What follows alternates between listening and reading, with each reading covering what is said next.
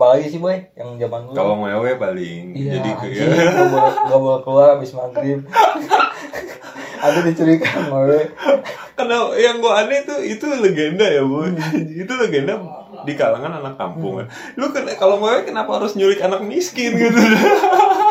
oh, kenapa ya? Apa keuntungannya bagi si kalau ngewe itu apa Bray? oh iya buat jual ginjal anjing Anjing ya goblok kan. kan ginjal ginjal yang anak-anak mah masih fresh Iya. Anjing serem Bray kalau itu bener. iya Tapi katanya bener ya itu. Iya, Iya kalau ngewe itu bener. Maksudnya tempat, bukan kan. beneran itunya lah terlepas dari bener ada apa ya beneran booming maksud gua.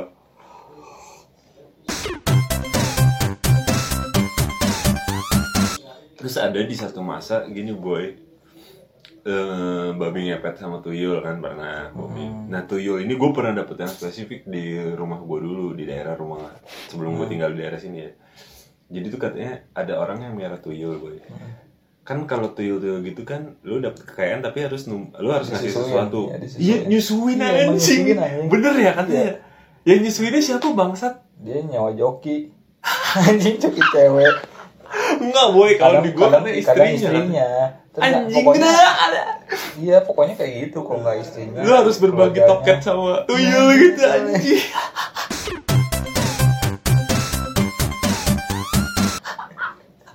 Tuyulnya kayak shit sontol sama bonggol enak amat. terus kode-kodenya tuh kok biasa biasanya orang yang miara tuyul tuh tangannya ini boy kayak istirahat di tempat tuh gak iya ke belakang mulu kayak bongkok ya. Oh gini-gini ya. Hmm, Itu ngegendong tuyul kayak katanya. gendong pokoknya kayak gitu gitulah Anjing. Enggak, gue tuh yang masih aneh kenapa netein ya, boy. Gue Iya. kalau lahir kembali reinkarnasi itu ada gue jadi pengen jadi tuyul ya, boy. Enak banget kerjaannya nyolong sama nete. Anjing. Tapi si Ucil nggak kayak gitu ya Lucu nggak nete kembayun. mungkin di baik layar kali ya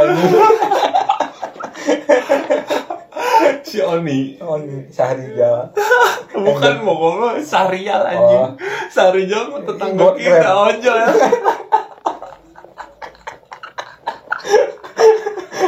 Jalu si Jalu. jauh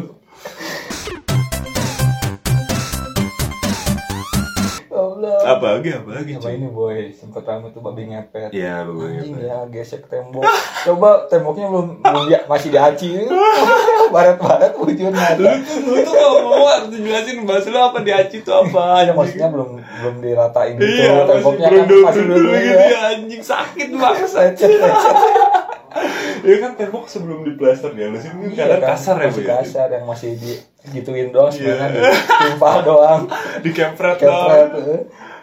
Kebayang kan lu babi ngepet ngegesek di Iya, situ. Anjing sakit cuy itu kata babi ngepet anjing sakit amat. pokoknya ketahuan aja kalau misalnya dia duduk sakit gitu ya bekas babi ngepet nih Oh dia tuh babi ngepet kan tapi nggak kayak tuyul ya bu. iya dia tetap aja Dia tuh jadi-jadian Jadi-jadian orang yang orang. jadi-jadian kan. Kalau tuyul kan emang makhluk lain yang nyolong buat lu. dia mah harus partneran gitu boy babi ngepet mah Maksudnya? iya satu Lu kok ada tahu sih? enggak kan banyak isunya boy terus Jangan-jangan. yang satu harus jaga apa ember sama lilin Oh, lin ember buat apa bangsat? pokoknya kodenya kalau misalnya bahaya ngegolak teh ya si embernya ngegolak kan si lilinnya harus ditiup Padahal nggak ada kompor. Kok bisa sih? kayaknya di negara air apa sih Katara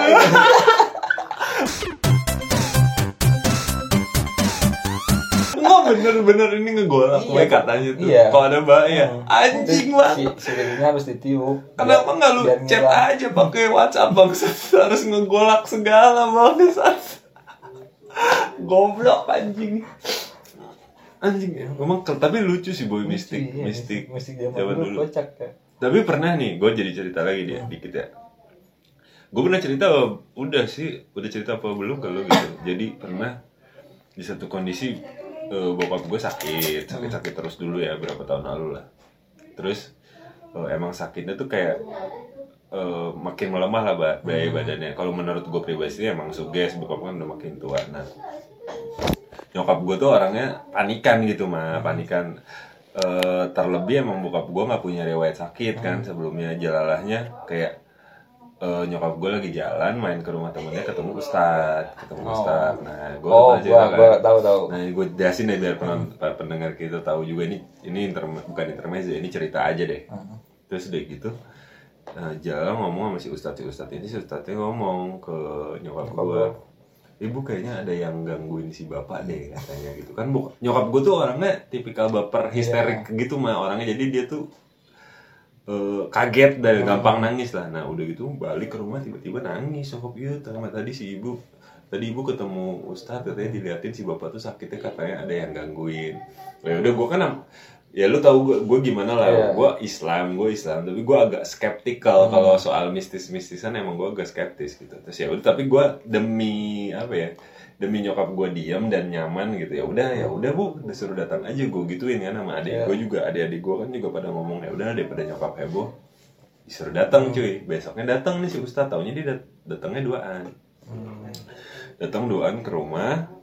Wow, lu tahu pemburu hantu kan? Iya tahu tahu ya. kan gerak-gerak gitu terus nah itu tuh dia tiba-tiba begitu datang tuh langsung ngomong oh ini di sini. Bener bu. Si bapak suka nong suka tiduran di depan TV ya? Ya iyalah kan soalnya di depan TV gue nggak ada kursi anjing. Jadi pasti tiduran lah bangsat. Dia Oh, bilang gue- dia bilang gitu bray si bapak suka tiduran ya? Itu sumbernya di situ tuh kayak ada makhluk katanya. Terus si gue diem aja gue nggak mau nggak mau gimana gimana gitu kan. Terus eh, dia kayak keliling rumah gitu nggak kayak keliling rumah ngeliatin di situ ada perempuan kuntilanak ini. Gue diem aja nggak banyak cincong lah. Terus ya udah harus gimana? Kata kata nyokap teh Iya bu bikin kopi manis kopi pahit. Kopi manis sama kopi pahit aja 8 gelas kata gue ini enggak 8 gelas bray terus sama sediain bunga tujuh ini tujuh apa tujuh tujuh jenis Macem. tujuh tujuh macam kembang tujuh macam sama air. Terus dia ngambil kertas ukuran A3 dia tulis-tulis ayat gue nggak tahu lah apa gitu ya. Terus ditaruh di atas kertasnya itu di atas kertas itu. Jadi pakai gini gini sorry gue jelasin ulang nih. Jadi Kain apa kertas nih? Kertas Oh, coy. kertas. jadi baskom. Hmm. baskom isinya air. Gue disuruh selain kopi ya baskom isinya air kembang tujuh rupanya dimasukin ke air itu. Nah di atas baskomnya itu ditutupin kertas sama eh, yang udah ditulis-tulis bacaan Hmm. Arab itu. Nah udah tuh. Dari situ dia kayak mulai udah dari situ kan dia mulai penarikan penarikan Iya. tuh ritual. Gue diem aja gue ngeliatin gitu. Nyokap gue kan udah nangis nangis gitu kan. Sampai akhirnya dia narik narik narik. Gitu sholat maghrib cuy. Di situ. Eh, sholat- eh, azan maghrib datang. Terus gue bilang eh pak ini mau diterusin apa gimana? Eh, pak ini mau diterusin apa gimana? Azan maghrib Iya. soalnya. The, udah ntar diterusin lagi. Ini udah udah hampir beres kok kata dia kan gitu. Oh ya udah terus ini karena kan posisinya kursi-kursi dipinggirin mah Iya. jadi emang tinggal Jadi eh, karpet di- aja gitu ngampar lah ibaratnya. Terus oh ya udah eh, terus kita sholat gimana nih pak? Karena dia ustadz kan gue berharap dilit dong sama lo sebagai ustadz gitu. Dia guru ngaji emang guru pesantren dia bilang. Terus eh, sholat gimana pak? Udah sholat di sini aja. Terus gue giniin cuy. Lah pak emang nggak sholat di masjid aja masjid deket udah di sini aja. Lah gue kan tiba-tiba merasa nggak percaya bray. Karena gimana wal- setahu gue yang awam ini seutama utamanya sholat apalagi kalau masjidnya deket ya lu sholat di masjid gitu sebenarnya gitu. Lagian nggak ada yang menghalangi gue untuk tidak sholat di masjid kok pada saat itu gitu loh. Nggak ada keadaan yang mendesak kan. Gue bingung lah kok ini malah nggak mau sholat di masjid? Ya udah tapi gue tetap jalan tuh ke masjid. Gue jalan ke masjid ya gue nggak mau suzul nggak mau apa cuman gue nggak ngelihat si ustadz ini akhirnya sholat maghrib juga boy. Dia nggak sholat sebenarnya sih. Udah. Udah gue nggak mau suzon. Gue pengennya tiba-tiba ah udahlah terlepas dari lu mau gimana gimana gue pengennya ritual ini beres gitu gue bilang kan. Terus ya udah pak ini gimana? Diterusin lagi? Iya diterusin lagi. Nah.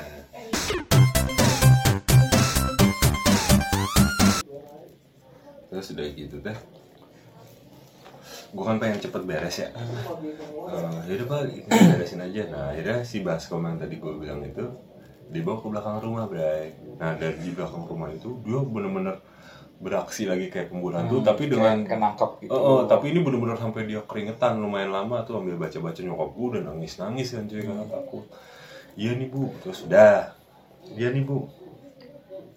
Eh, udah ditangkap tuh, terus tiba-tiba, tiba-tiba dia ngerogoh apa si baskomnya tadi dia gini-gini kayak kayak di terawang gitulah. Kayak orang megang bola kristal tuh kalau di kayak di gitu-gitu Iya, kayak terus perama gitu. Heeh, terus adik gue disuruh yang bontot coba deh ambil nih di dalam. Nah adik gue disuruh ngambil bray dari dalam itu. Adik gue ngambil taunya ada bungkusan kayak bentuknya tuh kayak permen. Hmm. bungkus permen yang dua bisa dibuka dua, Iya. dua aja sisinya tuh dari bahannya tuh dari eh, sampul coklat. Nah disuruh buka adik gue coba dibuka itu sih. Isinya tuh ada tanah liat sama kayak tulang gitu. Nah terus dibilang gini nih bu ini yang disebut tumbal katanya.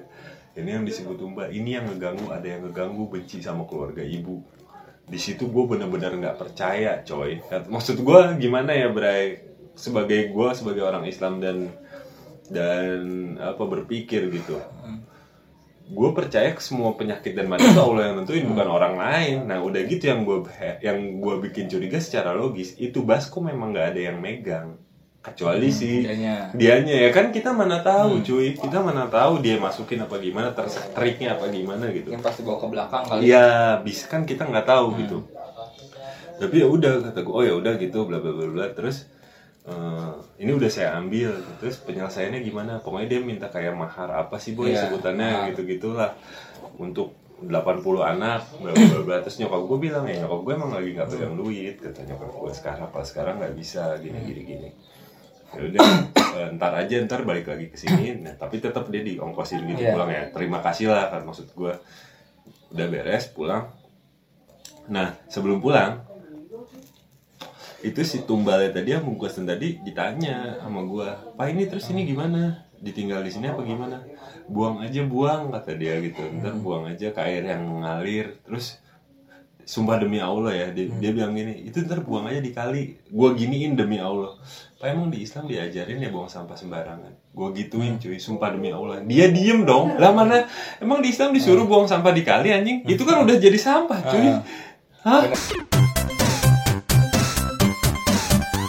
Ya, benar. Iya dong, dia diem terus dia nanyanya apa coba mak? A, A, A sama adik-adik pada kuliah ya sing demi Allah gitu. Kan dia dia mungkin dia kaget gue terlalu kritis tapi gue emang emang lu tau lah gue gimana gitu kan. Untuk sesuatu hal yang gak gue percaya gue pasti kritis sampai lu bisa ngeyakinin gue gitu. Udah dari situ, udah eh, dia pulang segala macam bla bla bla. Tapi sempat ngehubungin nyokap lagi sempat ngehubungin nyokap lagi tapi gue udah ngasih tahu setelah dia pulang tuh ngasih tahu ke nyokap bu ya gue bilang gitu kan. Hmm. ini terserah ibu percaya apa enggak tapi menurut menurut aku ibu lebih percaya lebih baik percaya sama aku ya anaknya sendiri anak ibu sendiri ya sama Allah kalau mau minta tolong kata gue gitu kan. Terlepas dari bantuannya media apa tapi menurut saya cara ini nggak beres gitu. Bukan bukan Tabu lah istilahnya. bukan cara yang seharusnya. Nah nyokap gue tadi yang tadinya histeris boy jadi lebih kalem kan. Nah gue kan gue kan cerita sama lu sampai situ doang kan. Hmm. sampai situ doang kan. Nah ini demi allah. Terus temennya nyokap gue temennya nyokap gue yang per- pertama Kenalin. kali ngenalin sama orang itu suaminya kan meninggal. Suaminya kan meninggal. Nah ketika beres suaminya meninggal tuh baru cerita cuy. Jadi pas ketemu nyokap gue di sana si si ustadz ini lagi kayak ngobatin ponakannya. Ponakannya itu cewek SMA lu percaya nggak? Ini boleh percaya boleh nggak tapi jangan seuzon ya. Iya. tapi gue seuzon sih jatuhnya. Karena diobatinnya di kamar sendiri duaan doang cuy di kamar Oh. tertutup terkunci. Ya gue nggak mau seuzon Iya. tapi kan aneh bray. Sampai orang lain nggak boleh lihat tuh aneh. Akhirnya ya udah. Nah dari situ si si siapa? Si ponakannya dia yang diobatin itu juga nggak sembuh sembuh amat tetap ini Sakit apa emang? kayak jatuhnya kayak apa ya, kayak mental illness gitu kayak depresi. Nah kayak depresi tapi ya nggak sebenarnya nggak sampai parah ngerusak apa gimana gimana enggak sih nggak sampai pengen bunuh diri enggak cuman lebih kayak down aja. Kalau menurut gue pribadi sih itu puber aja dia bray. Emang lagi anak SMA lagi puber lah intinya. Nah tapi overall setelah itu dia anak itu emang baik-baik aja. Dan si ustadz ini emang hilang cuy. Abis itu bener-bener nggak bisa dihubungin lagi. Lu tahu nggak? Si keluarganya temennya nyokap gue itu sampai puluhan juta. Buset. Sumpah, Mak. ya gue nggak mau ini bukan stigma semua orang pesantren dan semua ustadz gitu enggak. Tapi menurut gue kalau lu nggak kenal orang terlepas dari apa pun profesi dia lebih baik kenal dulu gitu Emang penting kayak gitu harus harus kenal dulu. Lagian kan namanya sekarang zaman sekarang mungkin ya boy ya Hmm. banyak yang memanfaatkan momen sesuatu apalagi atas nama agama Iya, apalagi ketakutan orang Iya. ya boy Ya, sama lah sama kayak ya balik lagi sama kayak negara yang bikin takut rakyat misalnya Hmm. dengan dengan teror teror hantu atau sekarang yang ustadz dengan cara ini gue nggak ngomongin ustadz secara spesifik Hmm. ntar dibilangnya Islam padahal juga banyak Iya. agama lain yang model gini gitu kayak apa sih kayak Konstantin ya, Konstantin gitu loh lo. tahu gak sih kayak si Roy Kiyoshi Iya, Eh, tai itu hmm, makanya Sorry Roy, emang lu bohong bangsat. jangan mentang-mentang oh adanya si Inja lu selalu ngomongin orang yang gak dikenal. Sinja itu ya siapa? Rastafara Roy Kiyoshi gue gak percaya bangsat. Jadi ba- yang ini kalau komekin lagi ya Baby Faye ke- terakhir kemarin diperkosa Iya. genderuwo bangsat banget ya. Dan viral anjing. gue jadi genderuwo perkosanya Maria Ozawa bangsat. Ngapain Baby Faye?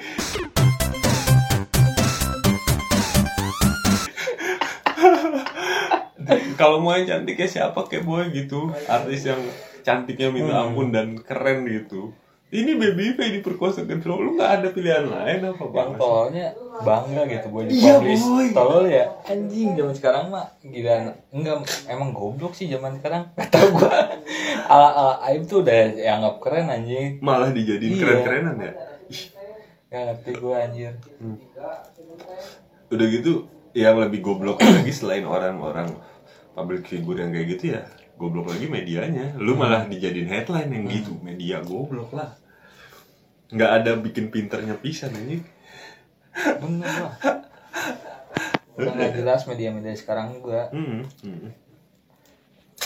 Anjing emang ya kalau ngomong mistik zaman dulu ya kalau ngomongin seru seruan dulu sih boy emang lebih ya seru dulu. dulu mah kayak santet. Anjing. Boneka ditusuk-tusuk. Hmm. Fudu fudu itu fudu. anjing. Jatuh ke suge sih sebenarnya. Kalau kalau gue pribadi ya walaupun gue belum melihat secara langsung kalau gue pribadi nggak percaya sampai orang keluar kawat segala macam. Maksudnya itu di luar logik gue Hmm. tapi kalau sugesnya orang bikin dia sakit mungkin Iya. aja gitu Ya, emang kayak lu gue benci sama lu gitu. Tapi lu tahu mah lu gue benci sama lu. Ya pasti lu kan kepikiran gitu. Jatuhnya sakit. Jadi hal-hal yang kayak gitu sih masih ada sih. Ada ritualnya masih masih hidup kok sampai hari ini. Cuman kita nggak tahu lagi Iya, Cuman sekarang mana yang kota, benar mana yang kalau salah. daerah kota mah udah jarang lah boy. Hmm. kalau daerah-daerah kampung masih banyak anjing. Iya Kayak banyak banyak telur, banyak banyak, banyak. gue itu itu kalau gue nganggapnya sekarang walaupun ini karena kerjaan gue kemarin emang gue Hmm. percaya emang masih ada gitu yang kayak gitu gitu tapi gue lebih ke culture lebih ke budaya lu begitu gitu. Kayak orang Indian punya saman yang Iya. yang penghubung dia sama dewa. Lebih ke situ-situ aja sih mak. Yang kayak orang Dayak berdoa iya. Lebih ke berdoanya mereka kepada sang pencipta bukan buat nyalakain sesama manusia anjing. Terus maksudnya gini ya kalau kalau? gue jadi lucu gitu. Misalnya santet tuh bikin orang sakit terus uh, udah pede-pede aja gitu. Kata Allah aing tuh merek kekuatan sih ya. Ini mau apa lu? Kayak gitu. Lu jangan lebay. Ternyata kena dia sendiri. Iya, karena dia sendiri aja mampu sudah lu. Allah udah bilang pun fayakun kena sia sorangan beak boy.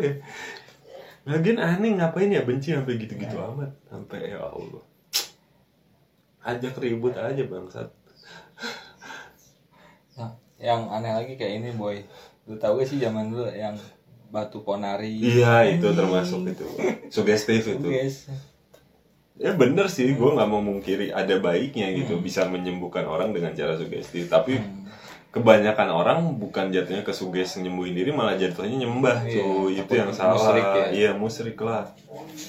Itu musrik banget anjing. Ponari anjing.